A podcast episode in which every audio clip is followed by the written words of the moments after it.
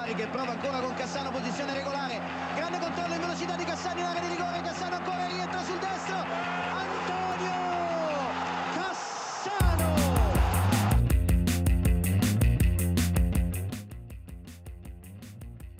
Komið sæl, kæru hlustendur, enn og aftur var heldur betur dramatík og dislæti í sériu A þessa helgina. Það komið okkur í búndi að basta að krifja það sem gerist inn á vellinum og með mér að vanda eru þeir Árnið Þóriður Randvíðsson og Björn Már Ólásson.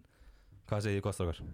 Við séum bara gott, ég er allan að feskur hérna bara í Danmarku, búin að keppa í Kveipinhafnar marathónunu í dag, eða hálmarathónunu, hérna bara þreytur en uh, það var gott að geta komist, komist aftur heim eftir hlaupið og skellt sér upp í sofa og fengið bara þessa, þessa veislu sem við fengum hérna í dag á, á sunnundag. Já, þú varst á hörku tíma eða ekki?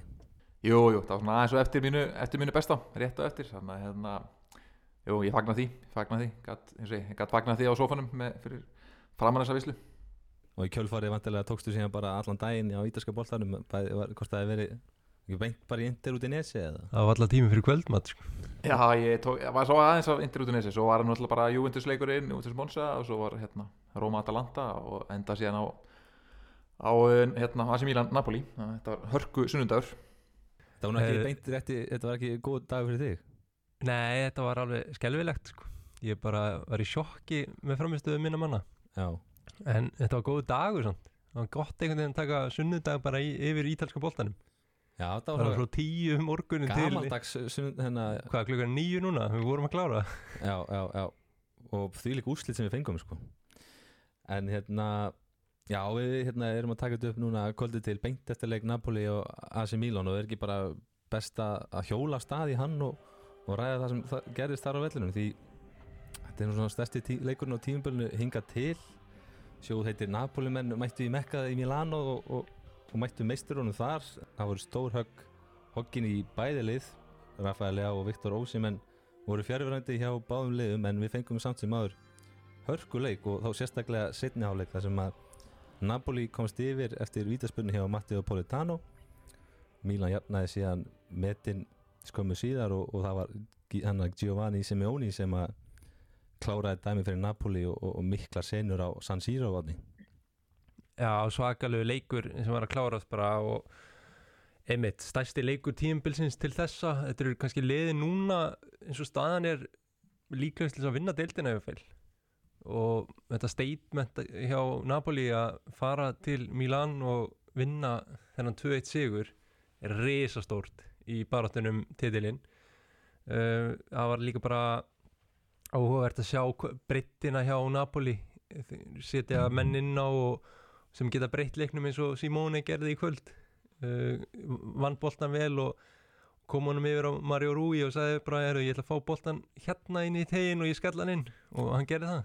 Já, báði stjórnir gerðu hérna, bara nýttu sína skiptingar í leiknum og þær höfðu áhrif heldur betur Björn? Já, þetta var, var spennand að sjá fyrir leik hvernig sérstaklega AC Milan myndi stilla upp ekki með Rafael Leá og ég var svona veltaði fyrir mér hvaða sóknarmanni myndi setja þetta í staðin en þeir settu staðin hann að Rati Krúnits sem er svona frekar varfærnisleg uh, spilamennska fyrst mér. Og sérstaklega á hinum kantunum voru við síðan með Salemakers sem er náttúrulega eins og, við talaðum áður aðalega milli vegalinda hlaupari þannig að þetta var svolítið varnasinna hjá, hjá, hjá AC Milan ef þú tekur lega út vinstra megin að vera þá allan með Junior Messias eða einhverja ógn hægra megin í staðin og hérna, hann að já, það var uh, vartfarnislegt og um, og meðan Napoli er kannski með bara aðeins meiri breytt eiginlega bara valin maður í hverju rúmi þar. Þeir voru með Giovanni Simone á bekknum kom inn á og skoraði, Raspadori byrjaði og hérna já, bara mjög flottur leikur, vel útfærður leikur hjá Napoli en, en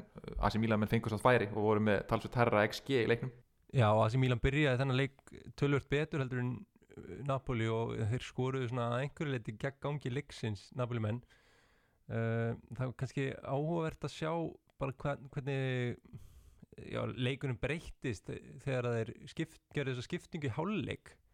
Tóku Calabria út af fyrir fyrir hann þarna nýja inn á. mannin Dest. Já, og hann var bara í brasi og fekk dæmt á sig víti þarna í, í svona byrjun setni áleiks sem þeir skora úr og, og ég held að þetta hafi verið smá, smá mistök hjá Pjóli að hafa hend honum út af einhvern veginn að treysta bara fyrirliða sínum að klára leikinn og, og hann var bara með hvar að skilja í, í vasanum. Uh, en Svo strax þarna færi náttúrulega hvar að víti þarna stuttu, bara já, 50. á- mínútu. Já, Calabria var tekin út af, út af þessu spjaldi samt, en, en það komið fram en, hérna, en e, samt bara klaufulegt að taka hann út af eins og, eins og leikurinn þróaðist Já, þetta er bara reynslu mikil maður sem á alveg að geta að spila á spjaldi allavega til 80. mínútu sko.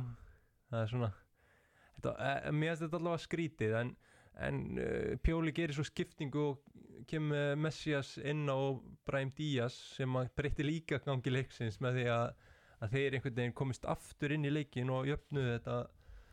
Já, og AC Milan viljið, þú veist, þeir jafna og maður, veit, helga sig að Sigurður myndi frekar detta með AC Milan, en, en Napoli skora síðan hann frekar mikið gegn gangi leiksins og, og, en AC Milan fæði síðan aftur færi í lokinu til að jafna aftur og, og hefðu bara átt að gera það, kannski vill þessum menninni sem voru að fá voru að fá færin, en enn og aftur var til dæmis Oliver Giroud frábær hjá AC Milan, hann, hann tekur þú veist, það var svo mikil barata við hjá honum eh, við hafsendana, en þú veist, hann er, hann er svo ótrúlega mikilvægur í uppspilinu hjá þeim, hann er bara svo góður að taka boltan á kassan og leggja niður og, og hérna bara, já, mjög mjög flottur leikur á honum, en það sást að þeir voru ekki með sína sterkustu framlínu þessi Milan menn. Nei, það hefði verið skemmtilegt að sjá líka bara Díaz og Messi að spyrja þennan leik af því að eh, svona hvernig leikar þróuðust í fyrri áleik þá hefðu AC Milan menn áttu að vera komnir yfir og ef þeir hefðu getað klárað leikin í fyrri áleik það hefði náttúrulega verið mjög stert og Mhm. bara þegar þeir kom inn á sámaður gæði sérstaklega Díaz fram á við. Hann einhvern veginn let aðeins leikin tikka betur heldur en Krúnits og, og langklauparinn að það. En hversu slæmt heldur að sé fyrir AC Milan að hafa ekki backup fyrir Leo?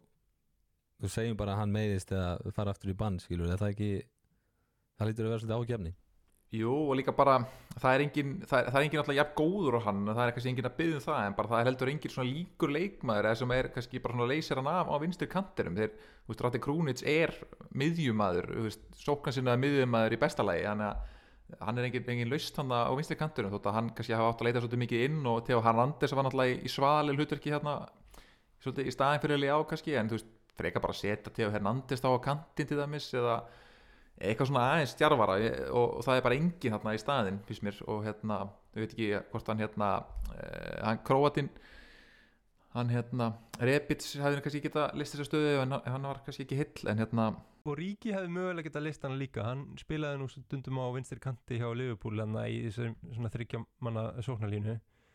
Já, Eh, þannig, þe þeim, þeim vantaði náttúrulega Ríki og, og Rebits og Zlatan var heldur ekki með náttúrulega þannig að það er aðeins aðeins hokkið í hópin einhvern veginn.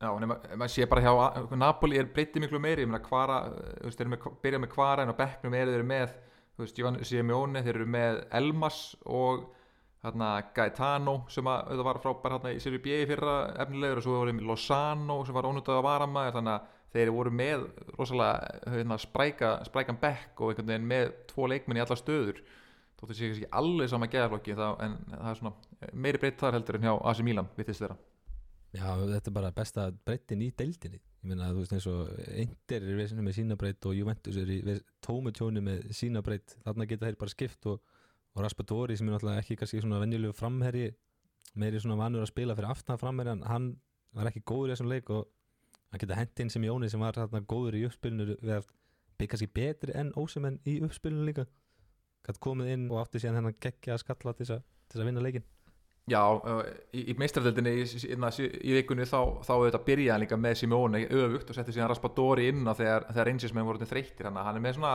alls konar útfæðslur á þessu Spalletti sem var náttúrulega í bannir enda satt hann upp upp í stúku í dag fagnaði sýrinu þar en hérna, já, bara mjög flott og það sem hann er gera með þetta Napoli liðið er auðvitað bara frábært og ég, við nefndið það náttúrulega þegar fyrir tímabilið að hann, hann er vanur að búa til gott miðvarðarpar, hann er rosalega saman hann er komið þá hafa alltaf miðverðinni blómstrað og, og hann er búin að taka þessi þetta óleikinda tól Kim og gera hann að einhverju skrimsli og, og Ram, Rahmani með honum sem að heldur í höndina á honum og leiðir hann í gegnum þetta, þetta er bara frábært miðvarðarpar Já, og, sjátt átt líka á Lobotka á miðjunni, hann var frábær í svona leik.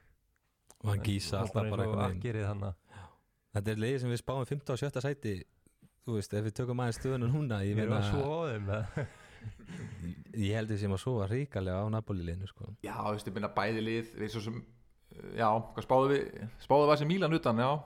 Þið séu Napoli í 15 sæti og ég í 17 sæti Ég er ekki tekst að vel út þar Já, sko, sem en, Míla var nú í mistardildinni held ég í spánu okkar. Já, en sko okkur til varnar, ég menna að þú veist Við þá- áttum nú ekki vonu að hver að skilja væri jafn góðu Maradona Nei, og svo sækja, sækja Simeone og Raspadori og Miss, missa Wendell fjóra leikmenn einhvern veginn, líki leikmenn og taka svo inn einhver svona ólíkita tólsótið, svona leikmenn sem að er ekkert eitthvað, einhvern, fasti í, í erfska boltanum, þannig að það var svo sem að skilja nætt, en það er bara gaman að sjá þetta og þú veist, ég- ég er ekkert vissum að það dugi eitthvað til sigus í deildinni, en, en ríkalega gaman að horfa á þetta eins og við vorum líka mútið reyndið sem miðri viku ótrúlega direkt kerðu bara við hvert teilumni þetta er bara skemmtilegasta liði í deildinni fyrir mér sko. Engin spurning. Já, algjörlega, þetta er bara leikiti sem maður velur að horfa á, það er sjaldan leiðilega leikir, finnst mér. Já, átni við vorum hérna uh, að vinna í útsendingunni áðan og, og fengum að heyra lýsingu Kjartmans Atla yfir, sigumarkinu hjá Napoli. Ég held sér tilvali bara að hlusta aðeins á hérna mómentið þegar Napoli sigur að leikin Simeone Andrými kemur hann út á Mario Rui. Margirinn á tegnum, Mario Rui kemur þessu fyrir skalli þetta er stórkostlegt mark Giovanni Simeone. Skallar boltan í fjærhóttið hálfín snerting með enninu. Napoli lið með nýju lífi í þessum leik. Ekkert eðlilega sterkur sigur fyrir Napoli í kvöld hefur þá ekki bara að halda áfram og fara yfir í leik Róma og Atalanta sem var fyrir í dag? Við hefum nú lítið talað um Atalanta liði fyrst mér sem að satt í öðru sæti fyrir leikin í dag. En þeir einhvern veginn hérna hafa komið svolítið skemmtilega óvart á þessu tíðinbili og, og svona læðist eins og músin bara upp töfluna og, og, og þeir enda með að sigra Rómalið 1-0 þá var hinn ungi Skalvíni sem að kom með enn eitt markið frá miðunni hjá Atalanta. Og hún var enda skipt út í háluleik hann var alveg döð þreytur þarna samar frábær, frábær sigur hjá Atalanta og ég er ekki að segja að Gasperini sé svolítið líka bara að, hérna, að koma okkur svolítið óvart. Jú, við, við spáðum eins og utan, utan Evrópu, eða að utan mistaraldildar og hérna þeir hafa bara farið greiðlega vel að stað.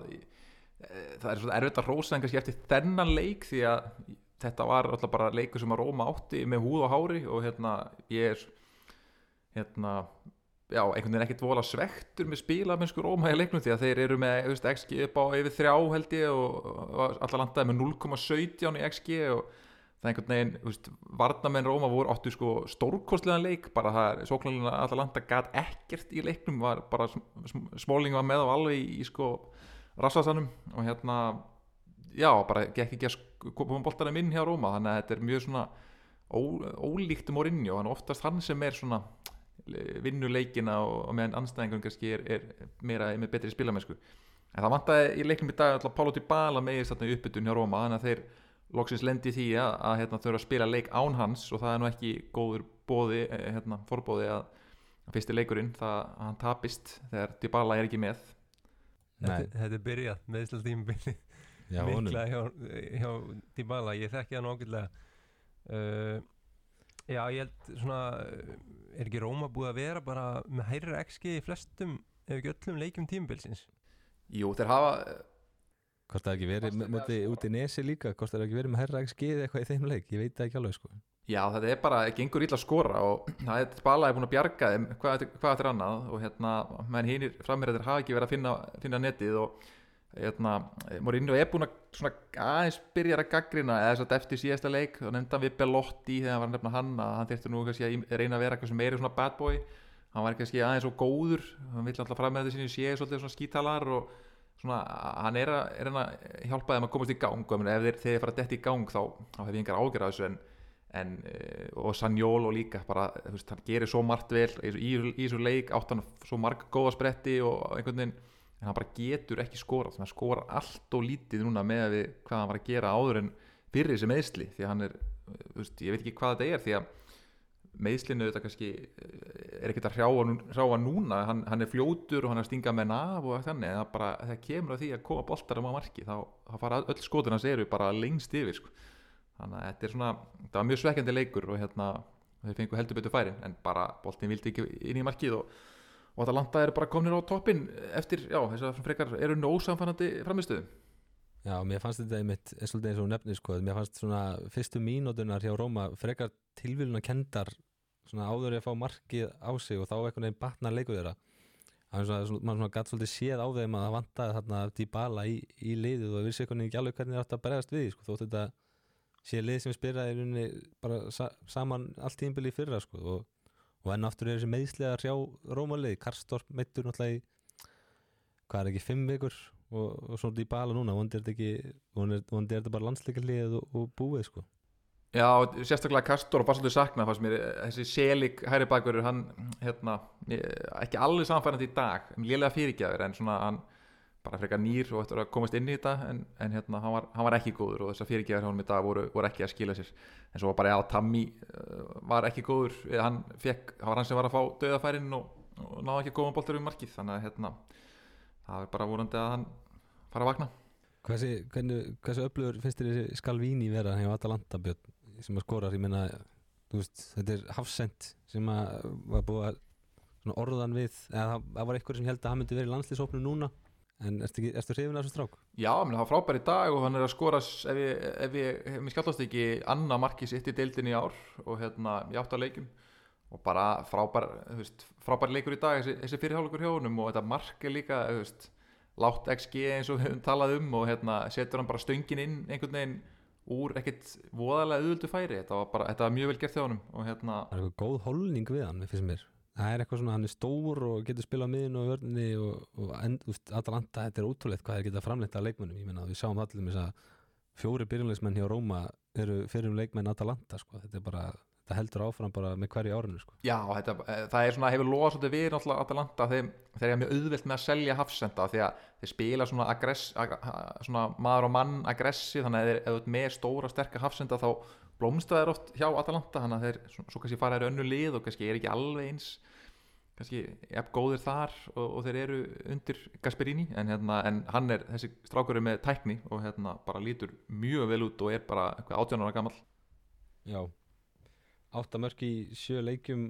og, og sjö fengið á sig fyrir Róma þegar þeir farin í landsleika hlið hérna, er þetta kannski verðin og bjóst við eða fannstu bjóstu við að þeir myndi vera óvar Já, kannski örlítið ofar. Ég var ekki kannski búast verið að færa úr, út úr startarólum bara eins og eins og okkur spretlu bara sko. En jú aðeins ofar kannski. En e, það er bara markaskorun hefur ekki verið góð og, en spilamennskan svona í flestum leikjurum hefur verið alveg allt í lægi með, að þetta sé Mourinho og það sé kannski getur að leggja mikið upp úr einhverjum áferða fögrum fótbolta þá finnst mér finnst þetta hafa verið allt í lægi og, og hérna, það þurfa bara aðrir leikmenn að stígu upp í staðin fyrir, staðin fyrir uh, hérna, Dybala ef hann, ef hann er mittur, ég hættir þetta sé bara mittur núna í sennilega tvær vikur og, og Pellegrini möguleika líka en, en það er Elsa Ravi er að koma aftur og eitthvað svona þannig að er, þetta verður volandi allt í læg Þau eru ekki að ræða eitt sko, þessi þjálfarar í serju A Já, þeir eru bara á einhverju spýtti sko.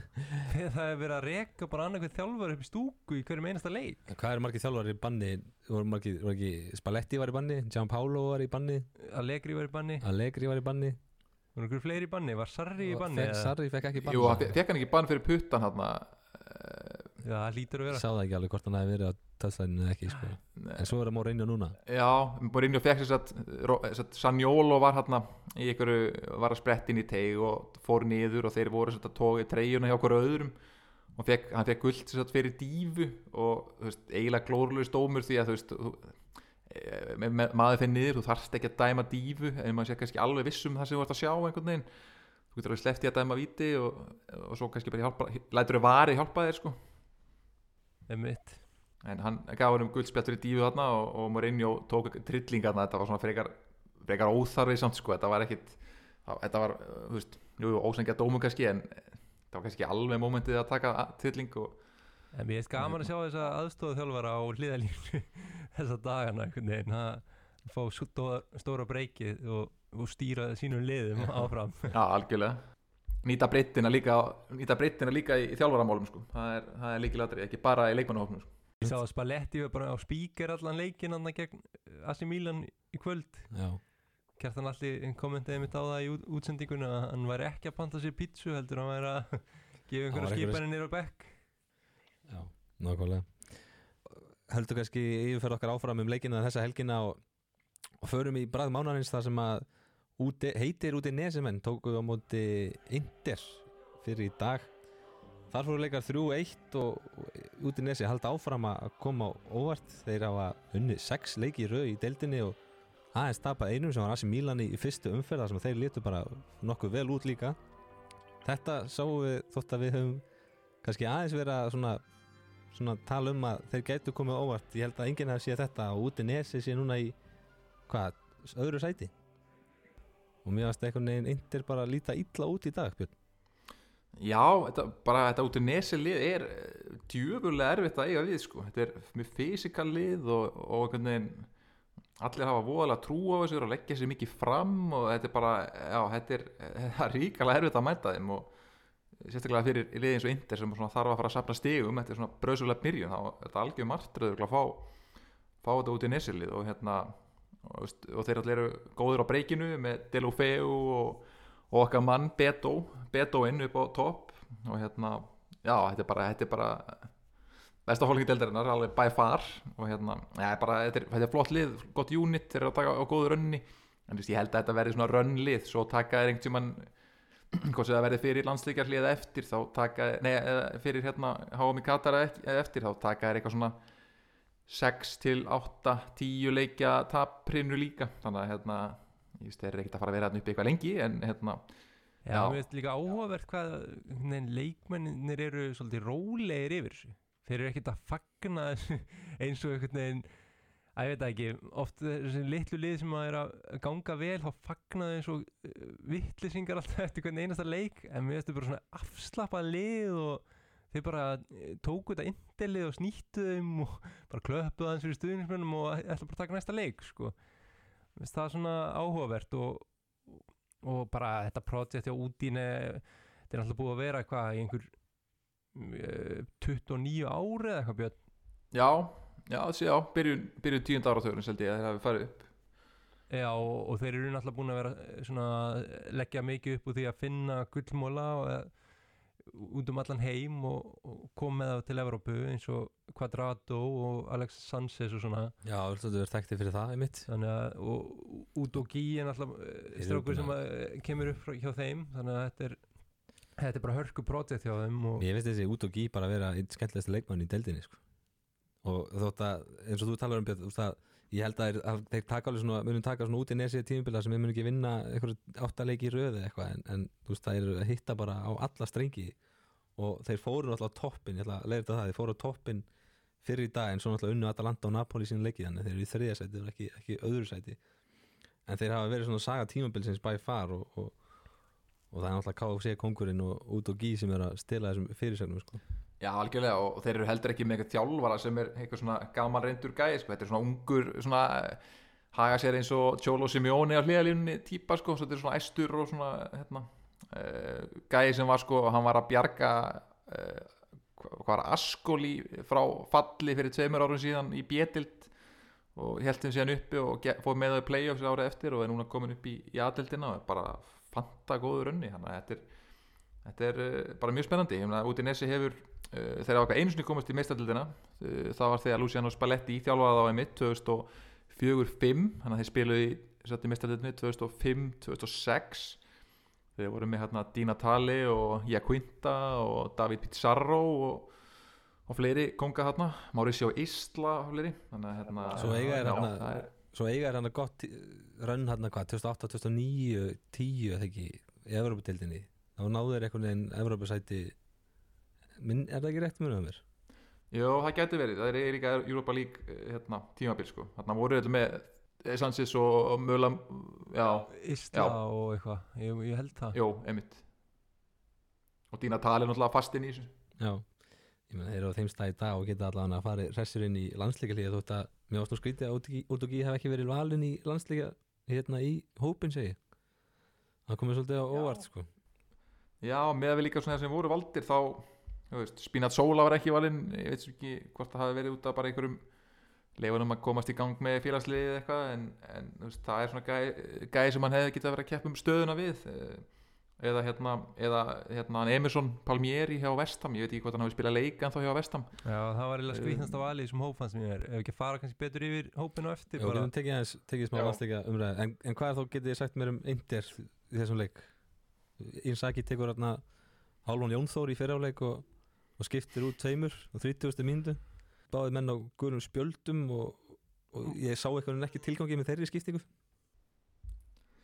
Nei, þú veist, hann, ég oft talaði um þetta á því sko, þetta með þessi gulu, spjöld, gulu spjalda fóbíu sem hann er með en hann ofta skipti, gefið þau nú alveg fram að háluleik en ég, sem, ég sá ekki alveg byrjun á leiknum, var, var, ég var í hlaupinu þarna í dag, en ég náði bara setna háluleik en hérna, var þetta svona lélegt hjá þeim eða? ja, mér, mér fannst þetta heldur bara Ég fannst þetta ekkit svo slaft endilega þú veist, þeim er bara þeir veist, út í nesi náðu bara pressa ótrúlega hátt þeir, voru, þeir náðu ekki þessu, hæ, þeir náðu ekki þessu spil út úr eftir þessu línu sem þeir ná vanalega Mér finnst meira bara að upp, hefur sko. gert mistök í uppstillingunum liðinu Já, ef hann þarf að gera skipting á 30. mínútu þó að menn sjó spjaldið eitthvað þá virðist hann hafa verið eitthvað ósáttu með bara þeirra framlega í leiknum og, og Bastoni var alveg brjálaður þegar hann kom út af. Di Marco kom reynda bara ágætlega inn í hennar leik og ég hefði kannski bara betra að hann byrjaðan en mér finnst svona Inzaghi, ég veit ekki hvort hann sé að vinna eitthvað mörg stig hjá hópnum að vera að gera einhverju svona breytingar í miðjum fyrirháleik. Ég held þetta gæti líka bara smitast einhvern veginn út í hópin og, og það verði meiri pyrringur og styttri þráður í mönnum Ég bara þetta borgaði sér alltaf ekki þannig svona í fyrsta lagi þannig að það, það er hérna, ekki góðs viti þetta er, þetta er ekki Jón Þór te- tekur hálfan Jón Þór og það gengur ekki upp einu sinni. Og svo setur hann Di Marco inn á sem er vantalega í vinstri, vinstri hafsendi eða eitthvað þannig, að- og svo Gagliardini fyrir Mkhitaryan á miðunni sem er svona varna sinnaðir en þetta er ekkit flugmóðskipið á Eh, miðinni sem við höfum talað um sem er ekki fara að bæta við einu veist, þessi breytt hjá indiliðinu, þetta er ekki neitt neitt og, og ég fór að hugsa með leikunum stóð sko, þú veist, það er engin upp alin annað hjá indir í byrjunleginu, þú veist, hvað er þú veist, af hverju er ekki bara einhverjir ungir strákar á bekknum hjá indir versus Gagliardini sem að er alveg búin með, með sinn feril sko, þú veist.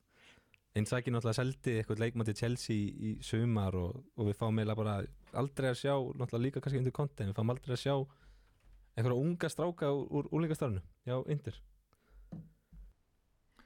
já, ég held sér rétt sko þeir hafa alltaf selt þessa að- alla þessa þá gæja, Pinamonti og hérna Zaniolo. og, og hérna gæðin sem var, var ekki einhverja Casadei hérna að fara til Chelsea eða eitthvað sko, lítur nú að vera skömmin í skárri heldur en Gagliardini þótt að ég sem, hef, hef ekki séð hann spila sko.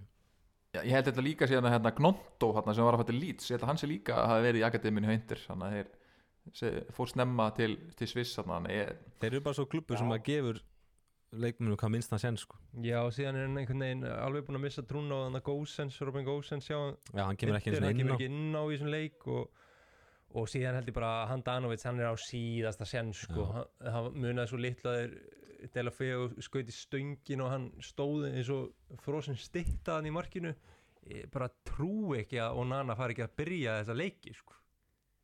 já, þetta er ótrúlegt alltaf einhvern veginn hreyfingalausan í markinu sko. Það er svolítið, svolítið sérstætt einn maður sem ég fannst líka alveg vera hörmulegur í, í dag var Lotaro Martínez. Já. Þetta, já, Lukaku var ekki með líka svo það komið líka fram með ekki? Hann, Já, Lukaku, Eh, Edin Dzeko byrjaði upp á topp með, hérna, með Lotaro Þannig að þetta er svona útlitið hjá Inter. Þetta svona búðar ekkert sérstaklega gott fyrir, fyrir komandi leiki þetta er styrt og hægt og einhvern veginn fyrir sjáanlegt og, og breyttin, ef það var breytti fyrra þá, var, þá er hún horfin hann hérna. það lítur ekki vel út og þeir eiga þeir eiga Róma í næstu umferð. Þannig að landslíkja hérna fyrst en, en svo það getur nú reið ansi áhugaður leikur Ró, Inter Róma fyrsta uh, svo eiga- svo eigaði Barcelona. Spurning hvort að hvað, hvort að Simone Inzaghi hérna lefi uh, af uh, oktober mánuð Hvað er málið með við sjáum við á sjáum við á reyka Inzaghi? Mér, mér sýnist svona liðin séu aðeins ragari við það að reyka þjálfara því að bara pen, það er ekki til jafn mikil peningur og hefur verið fyrir COVID sko. uh, liðin eru að skila svakalum taptölum í, í ásreikningunum núna bara í þessum með næsta mánuði. Og ég held að hann mun örgla að ég myndi halda að hann myndi lifa allavega til áramóta og sjá hvernig staðan er og ef hann er í ef hann er í meistaradildar sæti þá held ég að hann haldi það aðeins áfram. Af því að þessi dildi er náttúrulega bara gal opinn og Mm. það geta öll lið unnið hvaða einasta lið í dildin sem er eins og við sáum í dag. Já, uh, já, ég held, ég held að þeir gefa hann aðeins lengri tíma. Já, ég held að líka, svo bara spurning hvað hvað er á lausu, þú veist, það er Tommy Tuchel og eitthvað, eitthvað smottir á lausu en það, það eru dýrir þjálfarar og ég held að þeir séu hansi rægir við það og þeir sjá kannski heldur ekki hvernig einhver nýr þjálfari að geta bætt þetta á þess að bæta við einhverju leikmunum þegar breytin er svona lítil þeir kannski vilja líka, þú veist, tónum til varna líka þá er Lukaku ekki búin að vera góður sem átt að vera náttúrulega bara, stó, voru stór innkaupin þeirra í sumar og hérna, hann, það er ekki að ganga upp að honum er alveg vorkun með það og ég held að það sé kannski líka aðeins í hálfbólum uh, gefa honum smá slaka Já, kannski minnist þú á það að Barella skora hann alltaf frábært mark í dag reyndar, og hann hefur verið ljósi punkturinn hjá eindileginu en, en, en, einhvern veginn finnst mér hann samt ekki vera þessi, þessi heimsklassa miðjumæður sem einhvern veginn getur bara dóminir að leiki, hann kemur upp með svona moment og Já, mér sé rétt vel orðað með, með, með heimsklassa, mér finnst ekki að hann er ekki alveg hann, hann har nóg inni allan ennþá. Uh, hann har svona glimpsis á nefnilli þessi, já, þessi úrslit báru kannski merkjum það sem að koma skildi síðan setna um daginn því, því klukkan eitt og mættu, mættu gamla frúum frá Torino til Monza og bar lægri hlut til, til litla leysins Notni, þetta var það var ljótt að sjá fyrir því þetta var erf, erfitt áhorf. Þetta var bara uh, ógeðslegt. Bara, Þessi fótbolti uh, Hann drepu mig að innan sko. Þetta var svo leiðilegt að horfa á þetta uh, bara júendusliðið er ekkert að hann hlýtur að vera búin að missa klefan eða eitthvað, þeir eru ekkert að spila sinn eðlilega leik. Vlahovits ömurlegur. Uh, Angel Di Maria lætur reka sig út af með að gefa einhverjum Itzo gæja þarna olbóskot í magan Eh, að svona reyndu maður láti einhvern neðri til að spilara bara penka sig í eitthvað svona rugg Þetta er allt eitthvað vanstillt, ég Allegri meina- náttúrulega er upp í stúku því að hann misti stjórn á skapi sínu í, í tap, nei, í þessu jafntefli gegn salinu í Tana sem að var, var bíóðu var. Uh, já, ég veit ekki hvað ég get sagt Svo sko, þetta var bara ömulegt komast yfir á móti Benfica og, og tapa leiknum og, og fá hann einhvern urð yfir sig og að neyðafundur og það er veginn allt í skralli þannig að Já, það er líka, í- núna rétt fyrir, fyrir þessu umferð, þá var að leikri í stóri viðtali í ítalsku fjölmjölum sem að svona, gerist ekkit oft, hann fari, en svona þjálfari júður fari ekki að opni sig bara, en hann fór hérna yfir víðanvöll og það er kannski greinilegt að það var eitthvað, þetta var eitthvað planað með, með stjórninni, vantarlega, að hann fari svona aðeins að segja sína hlið og hann talaði um þetta bara, sem er alveg rétt, að það vantar auðvitað Kiesa og það, hérna, Di Maria er búin að meittur og, og miðjan, hann er aldrei getað stilt upp sinni miðunni sem hann vil hafa sem hann sagði að væri Rabiot, Paredes og hver Locatelli sem síðast er varamæður og þriðið eða það með þeim hann Pogba Uh, uh, það já, Pogba. Og þú veist hann er bara ekki náða að stilla upp bestu miðunni sinni og, og hvað draða sé ekki hæri kant maður, hann fór allar afsakandir í bókinni og bara, maður skilur það. En svo þá þarf að koma eitthvað svona svar. Það þarf liðið síðan að vinna næsta leik. En svo mæta bara í eina leik og já, eru bara umurlegir og frá upphafi til enda og það sem svona sérfræðingar er að tala um á Ítalíu líka er að sko Monsa-liðið er eh, mjög illa drillað og þeir ráða mjög illa við pressu. Þeir hafa öll lið sem þeir hafa mættinga til að tíðanbylunu hafa geta pressa hátt á Monsa og þá lenda þeir í vandræðum. Og meðan Juventus ákvaða að mæta Monsa og bara líka tilbaka svolítið. Já, það var svolítið skrítið. Já, stilla aftur upp þessum fjóru þrýr þrýr sem að greinilega virkaði ekki í síðasta leik. Nei. Gegn Salernitana. Þeir þar sem leigðu að þeim þeir einhvern breyttu í fjóru, fjóru tveir af því að ég sá að þegar byrjunlega kom inn að þá var þetta stilt upp í einhver fjóru fjóru tvo en það var bara ekki tannig Di Maria var hann að hægra megin og, og Kostits vinstra megin. Já. Þetta var bara, þeir fóru á ráspunkt og krössuðu bara fyrstu beigju sko því að þarna, held að bara eftir ykkur 40 sekundur þá fær McKenny boltan annað fyrir miðjum velli og, og fær hann einhvern veginn í sköp, er að taka móti boltanum og fær hann einhvern veginn í sköplungin og boltin skýst út af í innkast og, og svo bara einhvern veginn byrjaði bara að bakka og, og, og, og Monsa líti allt nú bara frábælega út sko. Nú vil ég samt bara honest svar sko, þessi, hó- þe- þetta byrjunarlið sem að byrjaði leikin í dag þetta er bara ekki topp 6 klubur á Ítalíu. Perín í markinu, De Silio á hægri Gatti í vörninni, Bremer með honum, Danilo í vinstri bakverði Kostits á kantinum Miretti á miðunni, Paredes á miðunni með honum með Veston McKennie Di Maria lætur reyka sig út af í fyrirháleik og Vlahovits frammi. Já, það vantar mér segja sko, vantar mér segja besta mannin á tímabölinu Milik sem að vera í banni. Já, en þú veist, hann er alveg búin að vera hverju alveg. var bannin ekki afvillétt að á þessu varbíói? Það Hvað er Já, reyndar hans er þetta banni fyrir að fagna marki sem var dæmt af já.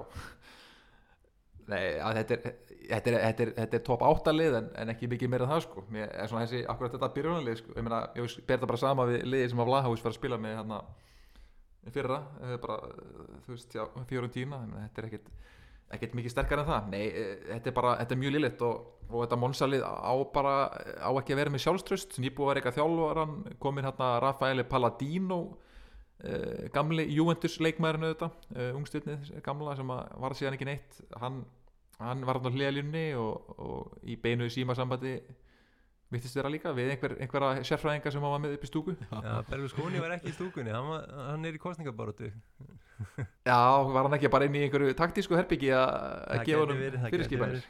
Mér fannst þetta geggja múf hjá Palladino hann að byrjunleiks þegar þið fóru, myndaðunar fóru fyrst á hann. Á, á svona 20 sekundu búnar það var hann þegar McKennie misti boltan út úr hliðalínu og þá kliftu þeir á Palladino og, og hann, var, hann var strax komin í handabendingana sko, eitthvað, eitthvað, eitthvað yfirsnúningi í eitthvað handabendingum sko. þú veist, eh, leikurinn var alltaf byrjaður sko. Þetta er, einmitt, þetta er þessi ungi strákurinn sem var hjá Juventus á sínum tíma og var ekki eitt, hefur þessi strákur ekki komið á hefur hann ekki spilað með U21 á Íslandi? Ég minni það eitthvað eitthvað 2003-2004 eða eitthvað. 2000 og ég sá það nú spila þetta 2006 eða 7 á lögadagsvelli það hann gæti hafa verið þar ég man þetta ekki eftir honum. Uh, já, hann, hann var mikið efni sko en ég, hef heyrt sögu frá leikmanni sem spilaði með honum og, og sagði að það væri uh, húðlatur gæi sem að bara hafi ekki farið vel með talenti sem hann hafði því að hann var, hafði allt sem hann þurfti en ha, hann hafði engan áhuga að efa leggja mikið á sig. Nei, og hann er einhvern veginn komin þarna hættir síðan í Monsa og, og verður að þjálfa hérna, yngri flokkana og er alltaf innbúin tekin, tekin við liðinu um, Já, en það hefur eitthvað, eitthvað fram að færa? Þeir, þeir voru bara við sjálfströst og kassan út og ég meina, þeir voru bara virkilega góðir í dag ég var að gefa þeim það sko. Já, já, og þessi Rovella, ekki kom inn á Gutker já, Grinker náttúrulega Gitker eða hvað sem hann heitir. Já.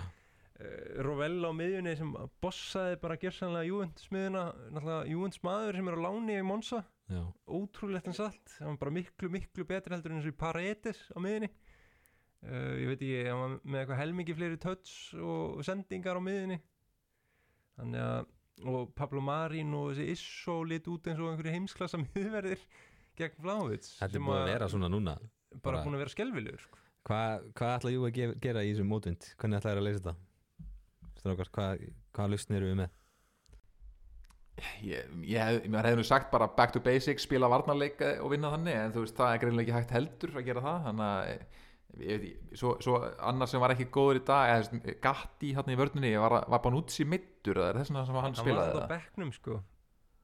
Já, skrítið því að hann var, mér veist hann ekki alveg samfærandi og sérstaklega í markinu hann að fyrirgjöfin kemur þá, eh, veist þetta er gott, mjög vel gert hjá Gutker mér veist hann svona staðsetningin á Gatti ekki alveg, hún var svolítið sérju bílega þarna, fannst mér. Nei og síðan bara er ekkert á bekknum. Það, það var ekki hægt að skipta inn á þessum leik Nei, hann það var bara, Moise Keane er svona eini maður sem er einhvers konar nafn sem kemur inn á. Annars er það bara Súle og Fagioli Já, seint hver sko. Já, þú veist. Bara já, kannski, bara nefnum aðeins nöfnin á bekknum bara þegar svo hlustundir fatti þetta er sko Barbieri, Barenechea Bonucci, Fagioli einhver breti sem heitir Eling uh, Moise Keane, Pinsolio uh, hanglaða vefarinn hann að markmaðurinn Rugani, Súle og Sjestni þetta er nú ekki, þetta er ekki nafntóðar Þetta er bara vestar lið sem að sko, þetta er vesti bekkur sem úti nei, sem að Juventus hefur stilt bara í 70 ár sko. já ég held það sko. Þetta er bara kennir inn á verða en þið voru í Serie B sko. ég, ég, ég er að segja sko. já þetta er miklu þá sko.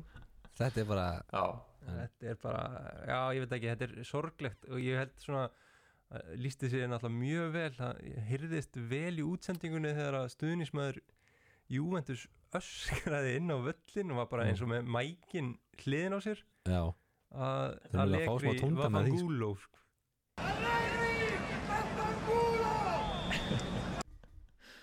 Já, það, var veginn örugglega- listi ástandinu af því að liðið er að spila svo leiðanlega fótbolta. Ef, ef þeir eru að tapa fyrir Benfica eða tapa fyrir veit ekki, Róma eða eitthvað eh, og spila skemmtilega fótbolta þá er allavega gaman að horfa á þetta en þetta er bara hörmung það nennir ekki að mæta á völlin það er bara helm, þetta hefur ekki gerst á Allianz vellinum að það mætir bara enginn bara helmingurinn að sætunum er tóm í mistardildinni og þetta er mjög skrítið ástand sko. og ég held að þessi Arriva Bene sem að kom hvað, í fyrra er framkvæmdastjóri hann er ekki eitthvað að dansa sinni í hjörtu Torino búa Nei, það virðist ekki vera sko. Nei síðustu Nei, hann gerir nú ekki gott móti á Ferrari hérna undir að síðasta heldur sko að hann er, en hann virðist hafa eitthvað traust þarna á Anelli fjölskyldunni Silfur Efurinn hann en hann, hann sagði fyrir, fyrir umferðina að það kemur bara ekki til grein að reka leikri þannig að það er spurning hvort, að, hvort það hafi eitthvað breyst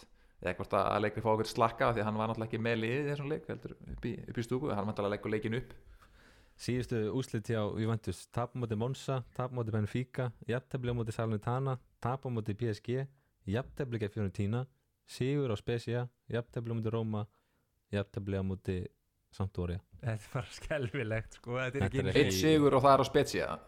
Já, þetta er ekki einu svona erfitt prógram sko, þetta er Salernitana, Spezia, Monza og, og þarna, hvað var þarna fyrsti leikunni eða skilur síðast, Sampdoria já Sampdoria þetta er bara joke prógram sko. Sigur á Spezia. Var það ekki líka bara eitthvað hark eða? Jú, það. það var ekki bara einu marki allt allavega. hark, sko. Já. Að Salernitana er náttúrulega jafniflega á 94. mínúti eða eitthvað. Æ, ég veit það ekki, þetta er bara hlægilegt sko, ég nenni eiginlega ekki að horfa á Juventus þessa dagana. Mér langar bara í einhverju breytingu. Hver sem það getur komið hann inn. Og ég sá að Já, spörsarnir voru eitthvað farnir að hafa áhyggjur á að Konti væri að fara að hoppa frá skipi næsta sumar til að taka við Juventus ég veit ekki hvað er til í því en, en djúvill sem ég verið til í það sko. Já, menn Conte, hann er til að koma en hann vil þá fá að lofa orðum einhverja styrkingar eins og, eins og hans er vona að vísa sko. hann er ekki að fara að mæta þarna til að taka við einhverju liði bara með Vestur McKenny og einhver, einhver bekkin eins og hann var í dag sko. það, það, þá kom hann aldrei sko. hvað gerðist þannig samt? Ég meina þú veist, þetta var bara flottasti struktúrin á klubbi í Evrópu og þetta bara er hrunið og þetta er bara orðið versta eitur menning á einhverju liði sem að fyrir finnst sko. Ég held einhvern veginn að það var eitthvað ósætti greinlega í stjórna því að Nedved greinlega stutti Pirlo í, í hans svona endur uppbyggingu á liðinu. Það þarf náttúrulega að vera endur uppbygging. Það þýðir ekki að sækja alltaf 33 fjara ára gæja til þess að halda þessu lið á floti.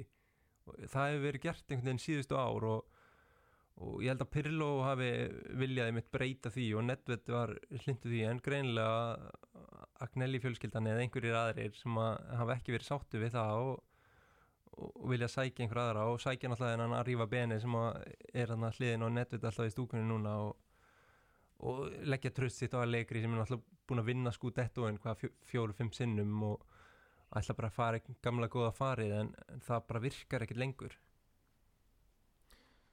Já, ég held líka mér, fyrir mér hefur bara alltaf vandamál, eða, vandamáli verið bara miðjan eftir að þið voru með Pogba, Pirlo og Vidal eftir það og, og Gedira sem er svona, svona auka hlutverki eftir það hafa þær aldrei einhvern veginn náða nærri því að vera jafn góða miðju og, og það sem spilið svona já, útvæslan á fótbolta snýst svolítið um og það og svo vandamálin alltaf við Ronaldo bæði hvað hann kostaði og, og svona hvernig spilaminnska liðsins var og taka inn Sarri með Ronaldo í liðinu sem að henda ekki. Þetta var bara svona margar liðlegar ákvarðanir og, og gæti líka tengst í náttúrulega að þeir eru búin að missa hérna, hann til Inter hann hérna hvað er hann sem að sáum uh, innkaupin hjá þeim Já, ég er ekki minna nafnið á hann núna Marotta? Nei, já Marotta, jú Beppe Marotta fór, fór til Inter og Paratici var eftir og svo fór hann og Já, þeir eru náttúrulega búin að missa marga menn sko. Já, já, í eh, baku tjöldin sko. Það er, já. en, ég nenni ekki að eyða tíma Nei, í þetta sko. En held, landsbyggjarli núna heldur að þeir reyka hann eða? Eh, Nei, þeir reykan ekki En þú Björn? nei, ég held ekki Höldum það áfram með sjöndu umferðina og það komið að markasúpunni góðu þar sem við fáum helgina Madrida fyrir okkur í máli og, og músík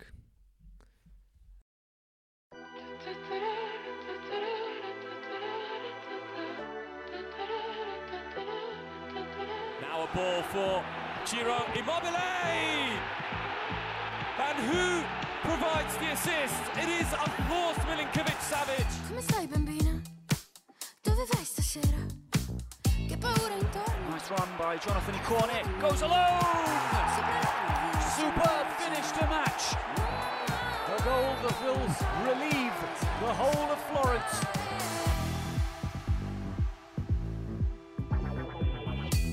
Rogerio, late on! Sassuolo steal it at the end! Now it's Sabiri from distance! He remains the standout player for Sampdoria! With the ball in. Inzola! Spezia mani, turn it con il around.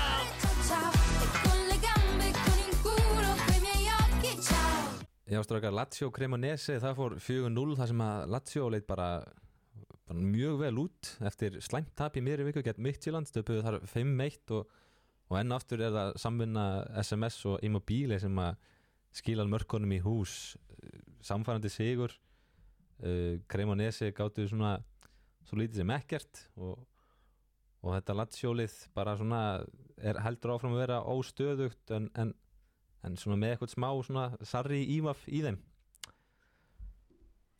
Já, bara stert hjá, stert hjá hérna, Sarri að fá þetta svar. Hann, hérna, hann uh, bauðst til þess að segja af sér nánast eftir þetta 5-1 tap gegn FC Midtjylland hérna, í vikunni uh, sem er svona kannski pínu skrítið með að liðið er í fjórðarsæti í deildinni og, og gengur bara ágætlega þar þótt að hafa verið niðurlægandi tap en hérna já, bara fínt fyrir þá að komast á Sigurbraut og hann er greinlega þá með klefan eftir uh, en þá og allir leikmenn tilbúinir að fórna sér fyrir hann en, en svo kannski segir þetta líka bara okkur hvað Cremonese er liðlegt lið. Já, nákvæmlega. Hann getur líka sér svarað því að saman bræði og sagt að hann muni vinna Evropadildina þar sem að þetta er svona bót og glimt tap hérna, sem Róma, eins og Róma gerði í fyrra. Já, já, þeir endur greitu miðana eins og, eins og Róma gerði sá ég. Ég held að þeir endur greitu stuðnismönnum sína meðan á hennar leik og það var allt brjála greinlega eftir eh, þetta Midtjylland tap. Já, svo var það Spezia Sampdoria þar sem að Mikael Egil Erlsson kom inn á á 87. mínútu og krætti sér gullt spjald strax. Átnið þú sást hannleik Já, það er bara, spesja eru bara að koma okkur á óvart að einhver leiti í, í dildin núna. Mér finnst þeir mér finnst þeir bara ekkert vera eitthvað með endilega lélugustu liðum í dildinni þó að það er svona á pappírum ætti þeir að vera það mm -hmm. uh, Mikkel Egil kemur hann inn og, og á bara að loka leiknum og ger, gerir það alltaf bara ágætlega er þarna fyrir, fyrir miðju eins og hann hefur verið að koma inn á núna Já. og krækir sér í eitt gullt spjald og já, er bara með einhvern djúlgangana það er bara fínt slæmt tap fyrir hérna, Sampdoria ég er skelvilegt tap fyrir einhvern veginn nákvæmlega liðið sínu í, í Ligúria hér aðeinu og að já ég veit það ekki. Þetta, þetta Sampdoria liðið er mjög skrítilið og þeir virðast ætla bara að fara niður. Það er eins og það sé bara markmið hjá þeim. Já, þeir sitja núna í bottsætinu já og eini ljósi punkturinn þar er þessi Sabiri. Hann er búin að vera frábær skora mark þarna gegn Spezia og, mm -hmm. Og svakalegt mark líka. Já, geðvegt mark. Og veriðist vera bara svolítið klassa fyrir ofan þessa leikmenn sem hann er að spila í kringum. Já, samt mikið sagt að þetta er besti leikmarinn fyrst mér sko. Já, algjörlega og það er náttúrulega ástæða fyrir þeir í neðsta sæti sko. já, já, Þa, það er líka verið að tala um að reyka þjálfaran það sko og hérna að taka inn Roberto Daversa sem að hefur þjálfað áður uh, tvísvar uh, eitthvað og með á, allt í lagi árangri en ég, hann, er, er ekkert ólíkur þjálfari uh, Gianpaolo eða kannski aðeins varnasinnaðari eða það er allt en held hann er ekkert var að koma inn og breyta þessu eitthvað svakalega held ég eða, eða bjarga þeim sko. Ég held að það sé nú já, breyti ekki miklu að fá hann inn.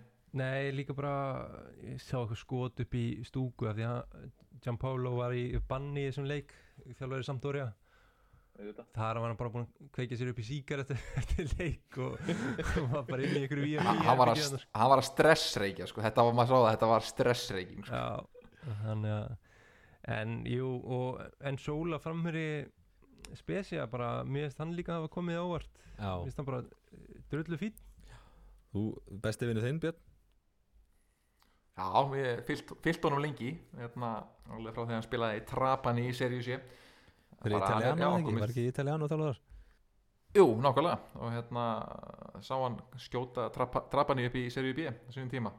Hann sér hann eh, að sjá hann svona klífa upp stegan Já, hann er komið þrjú mörg Já, algjörlega, hann er ekki bara góður svo, bara fysikal og einhvern veginn hefur allt, hefur allt sko, er komið þrjú mörg núna í sjö leikjum og hann hefur auðvitað mest skorað hvað 11 mörg í 25 leikjum hérna verið tveimur árum og en bara gaman að sjá hvað gengur vel á spetsja þetta er klúppur, svona skemmtilega krútlegu klúppur og við þetta sáum Italiano haldaði upp á fyrsta ári og okkur fannst það að vera svaka afreg og svo tók Tiago Motta við og, og heldum líka uppi og það var líka afreg og það er kannski bara hver sem er sem getur tekið við þetta lið, þessu liði og, og haldið þeim uppi með, með ynga leikmenn sko. Mér finnst svona einhvern veginn spesialiði vera líka með þennan X-faktor sem að getur um eitt unni þessa leiki sem að Monsaliði skorta Já, svona fram á við að vera með Já. eitthvað framherri eins og enn Sóla sem að skorar einhvern veginn sent í leikjum og, og, og, og tekur inn þrjú stig fyrir lið Mér finnst það vantar svolítið hjá Monsa þrátt fyrir að þeir hafa unnið þetta júventuslið uh, og mér finnst það líka verið hjá Lecce.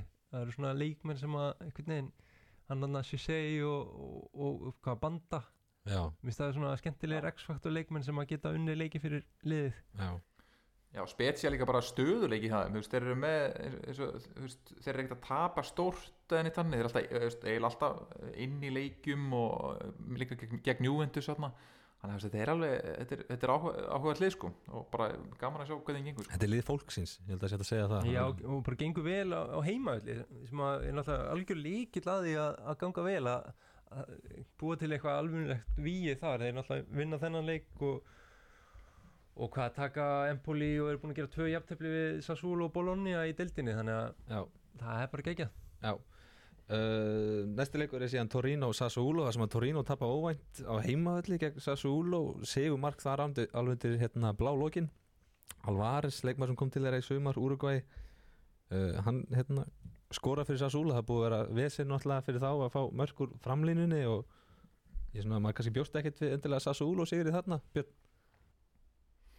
Nei, þetta, var óvend og hérna bara Sassolo sem hefur verið þetta svona fríflóðing sóknarlið undanfarið, þeir eru orðinni bara svona hörku varnalið unni 1-0 hafa sem gert þannig 2-0 jafntefli unnið 1-0, þannig að þetta er svona kannski nýju tímar aðeins varnasinnar og þeir eru ekki með sömu breytina fram á við, Eh, Berardi er ekki ennþá mittur og, og Pinamonti er hann er ekki að finna sig þetta, já þú veist hann líka svona hann uh, deilir vötnunum svolítið hvað, hvað fólki finnst um hann. Uh, hann, er, veist, hann er mjög tæknilega góður og fýtt strækir en hann er ekki maður sem að er að fara uh, nokkuð tíma að skora yfir 20 marka tímabili held ég sko. Traore líka, meittur hann hefur ekkert já, það, já, einmitt, það, það er mikill missur á honum. Það er mjög vanmetinn leikmaður sem ég bara skil ekki af hverju er ennþá í Sassuolo Nei, einmitt, hann lítur að fara frá þeim bráðum. Hvað er þessi, Alvarez ekki hann ekki koma inn í hlutverk makka einhvern veginn? Jú, við fengum hann svona einhvern veginn í staðinn. En Pinamonti náttúrulega líka kannski veist, þetta er meira kannski fyrir Raspadori eða eitthvað. Já, það er, já, það er bara áhuga að vera leikmenn fyrst mér. Sérstaklega Alvarez að sjá hann. Já, svo fóru fram leikur Bologna og Empoli þar sem að Motta styrði sínum mönnum frá hliðalínni í fyrsta sinn og þar tóku Empoli í stíin Hann er leikmaður sem hefur meðlega ekkert minnst ástrákar í, í þáttunum okkar í vetur hérna, Vinstri bakurinn í Empoli, hann hefur verið frábær. Parísi, hann var nú samt sem aður ekki valinn í landslið Ég bjóst alveg við því að að hann kannski fengi kallið, Björn, þú ert hrifin á honum. Já, ég, Fabiano Parisi, hann er búin að vera mjög sprækur og 2000 mótil, hann er hvað 22 og búin að vera góður ekki bara núna í ár heldur líka í fyrra, búin að vera byrjulismæður hjá þeim í þriðja tímabilið og já, bara sóknarsinnaður og, og, og góður og þetta nafni hans, Alessandro Parisi var þetta frábær vinstirbækurur hérna hjá Messina í gamla daga, held hann í einn landsleik.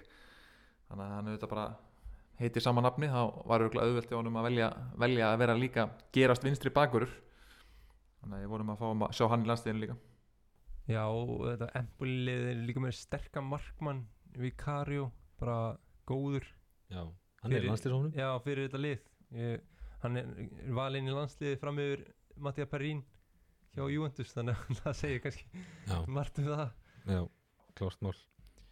Uh, Nú síðan hóst umferðin þessi sjönda umferð hóst með leik Lecce og Salnitana þar sem að Lecce sigraði Salnitana 2-1 og Björn, þú varst með augun á þeim leik. Já, þetta var bara sterkur sígur hjá Lecce. Þeir voru miklu betri hérna í, í fyrirháleik og hérna svona eh, já, bara miklu meira með boltan og Salernitana sem svo, voru svo frábæri gegn Juventus í síðustu viku. Þeir bara átti ekki breyk í Lecce hérna í fyrirháleik og, og Lecce kennst yfir með marki frá, frá Cheesy. Hérna, framverinn sem að bara fekk stungusendingu og kláraði vel og fekk reyndar nokkuð færi viðbót og hefði getað bætt við en en uh, já, svo í setni hálfleik þá svona tók Salani Tana svolítið yfir og, og náði að jafna með reynda sjálfsmarki frá uh, González. En heitinni síðan í já, nákvæmlega hann, já, þetta er mjög klöfalið sjálfsmark bara er á næstöng í hotspinnu eða eitthvað fyrir ekki og bara sparkar hann sparkar boltar yfir markið einhvern veginn ekki undir eitthvað mikið til pressu sko, bara hittir hann ekki. En hérna, svo setur þjálfari Letsi eh, þjálfari Letsi sem reyndar var í banni þegar ég minnist á það hérna, þannig að það var, aðstofþjálfari var að leðlinni að hérna, að lepina hann setur hann setur Strefetsa inn á sem að skora bara nokkru myndu setna og var valinn maður leiksins sem var geggjaður eftir að hann kom inn á bara Já, ég er hrifun á honum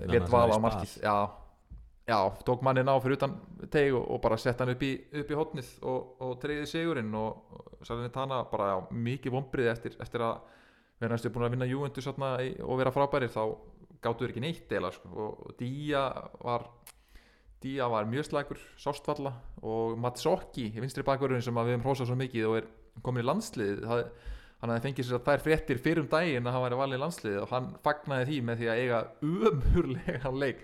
Hann sko, hann klúðraði hann klúðraði dauðafæri bara frían skalla bara fjárstung bara veist, nánast opið mark klúðraði því. Fimm myndur setna missir hann boltan og það er þegar Letsi brunar upp og, og skorar þannig að þetta og hann átti, hann átti alveg sjokker þannig að hérna, hann er mannlegur eftir allt saman. Mann sín í hlustar Já. greinilega það er grein, algjörlega greinilegt að, að við náðum einhvern veginn að væla hann inn í hópin já, já, við skulum vona hans vegna að, mann, sí- að þessi upptakan þessi leik hafi bara eh, farist einhvers stað sko. er til orku meiri leikmæri í þessari deildi hann er bara eins og dúrasil kannin hann upp vinstir kantinn sko. það er magnað að fylgjast með þessum gæja sko. já, hann er, hann er skemmtilegur en hérna, við, þetta vonum að þetta hafi verið svona one-off. Já, já. Hann, hann, hann mun eiga stórleik með landsliðinu í, í vikunni. Skal lofa þér því uh, síðasti leikunni síðan í þessari yfirferð er Sigur Fiorentina á, á Verona það sem að Ikone skoraði snemma leiks og, og, aft, og svo fengum við endur komið hjá Nico González sem að auðvitað stimplaði sinn með marki. Þetta Fiorentina leik sem hefur gengið hörmulega að skora. Ná allan að skora tvö mörk fyrir landsleikeldi og koma sér eitthvað aðeins á stað. Ég held að það hefur verið að byrja að hitna hans hérna, sætið hans Italiano hafi byrjað að hitna helviti mikið hefði hann ekki unnið hennar leik Já, ólíkt honum einhvern veginn að lendi í þessu brasi. Uh, Svo skilst mér líka að þetta markja við kóni hafi verið eitthvað, eitthvað svaðalegt Já, og það var- var fallegt. Það var mjög fallegt. Já, hann einhvern veginn tók varnamanni svona, svona hl- hlaup úr djúpunu Já, bara gott mark. Já, kerði vel á vörnina og kláraði nær. Og skemmtilegt mark. Og hérna, ég held að það sé mikill léttir fyrir, fyrir Italiano að vinna þennan leik. Uh, það var nú lítið sem gerðist í serju B fyrir utan það kannski það. að við sáum stóðsendingu frá Fabregas í, hérna, í leik hjá Como. Íslendinganir spiluðu ekki, Albert er ennþá í banni og svo verður vera hjörtur sér eitthvað ekki í náðin eftir þetta sjálfsmark um daginn sem hann skoraði fyrir Písa Já ég, held, ég held að sjá þjálfari sé nú mögulega líka bara Rolando Maran. Ég er nú ekki til sem hann verið eitthvað mikið lengur Þannig að hann geti verið að, þjálfara skipti í hjálpunum ef, að- ef að þar að kemur. Við vonum það, þeir sitja bara í næsta sæti. En, en í kvennaboltanum átni, hvað fengum við þar? Er það bara einhvern veginn fullt af bara góðum fréttum þaðan? Uh, Alessandra Jóhans er byrjað inn á í, í sigri í Fiorentina. Uh, þær eru bara að sitja á toppnum eftir þrjár umferðir. Uh, unnu Parma núnum um helgina. Síðan á föstudeginum var Sara Björk líka í byrjunliðinu gegn Róma þar sem að Juventus unnu ykkar konur í Róma Já. og ég, li, ég lifa því út vikuna held ég eða bara út landsleikjalið Sá, sá leikur, toppslagur var spilaðir bæða vegi klukkan svona allan henn á dönskum tíma, hvað var hann klukkan svona 1-2 á föstudegi? Já, þetta var mjög skrítin tími þetta datt eitthvað notification frá fotmopið mitt í gang bara, heyrðu, já, Juventus eh, Róma er núna í gangi.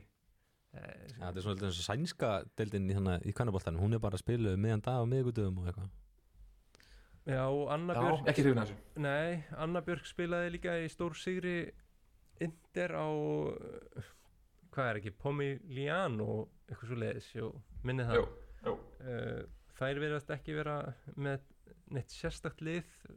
Og síðan var Guðni átnandóttir í, í vörninni hjá AC Milan sem að unnu 3-1 sigur og Sassuolo þannig að, já, bara íslensku Hún átti assist held ég í þeirri í Lassi Hingstar geggja að sjá hvað íslensku konar er að spila mikið. Já, fá bara heilu leikina núna. Náttúrulega Alessandra held ég, er, er hún ekki að byrja sem fyrsta leikbjörn? Jú, ég held að Já, þannig að og, og tegur allan leikinn. Já, þetta er bara það sem Íslandingum er skemmtilegt að spila eins og, eins og þú segir alltaf Björn Nákvæmlega, nákvæmlega. En kannski hoppum aðeins tilbaka yfir hérna í kalla deildina og, og veljum leikmann umferðinnar er eitthvað sem að svona er ofalega, ykkur ofalega í huga þar? Úf uh, það hendir sá okkur. Já, það er kannski tv- tvö, tvö nöfn sem komið til greina hjá mér. Uh, Immobile með tvö mörg Segur, mm -hmm. eins og alltaf og síðan langar mér líka að setja þetta á Simone að vinna þennan leik á San Siro. Já, einhvern veginn loka sunnudagsleikurinn og allt undir á móti AC Milan, misturinn frá því fyrra og ég ætla bara að gefa honum það. Já, Já, það er freistandi að velja einhvern úr Napoli liðinu sko. Það er bestur kannski Lobotka Simeone, Mario Rui Já, virkilega Mario Rui góður. fær nú já, mikið hleyið á honum sko en hann átti bara mjög góða leik og assist þannig ég er að setja það bara á já. á hérna Mario Rui sem bara með yfirvara eins og, eins og Super Mario. Og lítur út eins og pípulækningamæður eiginlega bara þess, þess utan. Stendur undir nafni bara. Og þjálfari, Já. hvernig vil, ég, hvernig vil ég henda á það? Sko, það, það er það er 20 í þessu. Uh, Náttúrulega Palladino á eiginlega að fá þetta sko. Fyrsti sigur Monsa í, í eftir deild í, ég veit ekki hversu mörg ár og, og bara koma inn í þetta sem er tekið og taka bara Juventus, gömlu frúna og, og sérstaklega því að Spalletti er einhvern veginn upp í stúku í, í þessum Napoli-leik. Mm -hmm. mér finnst það svona, ég hefði kannski hent því á Spalletti ef hann hefði verið á hliðalíninni en hann náttúrulega reyka sig út af í síðustu umferð Já, það er erfitt fyrir okkur að velja þjálfara umfæðina, við þurfum að fara að vita hverju eru aðstofa þjálfara Domenicini eða eitthvað heitir aðstofa þjálfari Napoli þannig að kannski ætti hann að fá þetta. Nei, ég held að Palladino ég bara taka þetta. Já. fyrsti sigur hjá Monsa og er berður skóni glaður og, og gengur vel í pólitíkinu og allir helvitis stemmingu þannig í Monsa Já, og við erum nú að fara í landslíkar lið bæði eða út, um- út um allan heim og nú að dögunum að valin landslýshópurinn hjá Ítalíu, það er svona kannski bara í stuttu framhjólaupi, var eitthvað sem að kom eitthvað sérstaklega óvart þar? Kannski sóknarlínan svolítið sérstök. Það er þarna Cancellieri uh, er í hópnum, þessi ungi latsjóstrákur sem að hefur verið að koma inn á held ég, ég held að hann ekki verið að starta leiki. Mancini hefur eitthvað þeng fyrir honum uh, hefur trú á honum, hann er valinn bara því að hann er efnilegur, svo er þið með hann að Gnonto í Leeds Vincenzo Grifo í Frankfurt er hann enn og aftur. Já, í Freiburg sem hafa verið dröllu góður í búndislíkunni Já, já, já, er hann búin að vera góð líka í ári núna? Er hann alveg, Já, hann er vera er hann með Freiburg. Hann er alltaf góður með Freiburg eitthvað, það er ótrúlegt. Þeir eru náttúrulega bara í þriða sæti og, og búin að vera geggjar þannig að kannski svona leikmaður sem er ekki staðið sig vel á Ítalíu en einhvern veginn sm smellpassarinn í hann, hann þýska bolta sko. Já, kemur alltaf með inn á milli sko, inn, inn í hópin en hérna, já, og svo hérna er þessi Serbin, uh, ungi strákur frá Napoli sem að kom inn á í dag þannig að þetta eru svona ungu strákarnir þar og svo, uh, hvað, eru þið hérna í vörninni Gatti auðvitað frá Juventus og, og Matsokki, okkar maður Já, þetta er svolítið skrítið, sérstaklega mitt, með út og gí að hann sé ekki í hóp. Já. Ég held að það sé svona kannski skrítnasta eh, líka bara gæðin fram á við. Þetta er ekkit voðalega spennandi Þetta framlýta. hillan sko. Vantar hann að Sanjólo finnst mér. Já, Sakani líka finnst mér er hana. Eh, Serbin Þetta- er þetta sko hlýtur að 23 vera eitthvað- gamall. Hann er ekkit ungur. Hlýtur að vera sko, eitthvað sko. Svo tilruna lið, þú veist, hann lítur að hafa hirt í einhverju leikmunum og bara sagt þið fóðu frí í þetta skiptið Spinat Sola sé ekki þarna já, þú veist, og Sanjólo líka þú veist, þótt að hann, hef nú, þeir hafa nátt einhverja rimmur hann, en hann á auðvitað að vera hann frekar en e, Serbin og, og Cancellieri og, en svo í, marki, í markverðindin þar eru við með Donnarumma, Meret Vicario, sem er náttúrulega nýr hann frá Empoli og svo auðvitað okkar mann, Provedel komin í landsliði, það er líka gaman að sjá, frábæð markmaður. Þeir eiga mikilvæga leikja mútið Ungarlandi og Englandi. Englandi sem setur í, botni reyðilsins í, aðdeldinni, í þjóðdeldinni það verður mjög áhörur leikur en, og svo einmitt á móti toppliðinu Ungarlandi sem að hefur komið svo sannarlega óvart þar um, þannig að það veri sérstakt ef að þeir ætla einhvern veginn bara að taka þetta með hangandi hendi sérstaklega þannig að þeir eru í þriða sæti. Ég vona bara að byrja frammi hjá þeim. Já, það væri skemmtilegt. Það væri mjög skemmtilegt. Jafnvel með raspa Já, bara er eða þeir eru- hætt á að falla samt, og, veist, það er eitt eða þeir eru ekki að spila upp á neitt sko, en ef þeir eru hætt á að falla eða eða þeir eru sjens að vinna riðilinn að mæta þá með einhverja, einhverja grínkalla á móti Englandi sko, ég, ég er ekki mjög hrifin að því en hérna, setur. Ég, þessi leikur held ég spilaðar á Ítalju hann alltaf heimaðalli og hérna, já, bara vonum það besta. Eh, fáum hérna gott landsleikja hlið fyrst við fáum nú ekki, ekki HM í Katar. Nei, nákvæmlega. Og það er þá leikurinn sem er á Föstu deginum 23. september. Og svo er hinn hann að mánudeginum eftir helgi og, og það er frí hjá okkur náttúrulega. Við ætlum ekki að gera þessu landsleiki upp sérstaklega. Við ætlum að taka okkur frí næstu helgi en erum síðan komni með verðum síðan með þátt þar í helgina þar í kjölfarið og, og þar fáum við Indi Róma og, og allskins gleði þannig að hérna við bara þetta, þetta heldur áframstrákar, þetta er virkilega skemmtilegt og, og spennandi deild sem við erum með í höndunum og, og verður áhvert sjá hverju koma sterkir út úr þessari stuttu landsleikja pásu Já, algjörlega, og bara galopin topparáttan þessi deildin mun ekki enda eins og, eins og staðan er núna getur verið alveg vissum Nei, nákvæmlega, það er eftir ímislegt sem á eftir að gerast uh, Við bara þökkum fyrir í billi og, og hlökkum til að heyri ykkur eftir tvær vikur og það verður gott, takk í kvöld Takk, takk Takk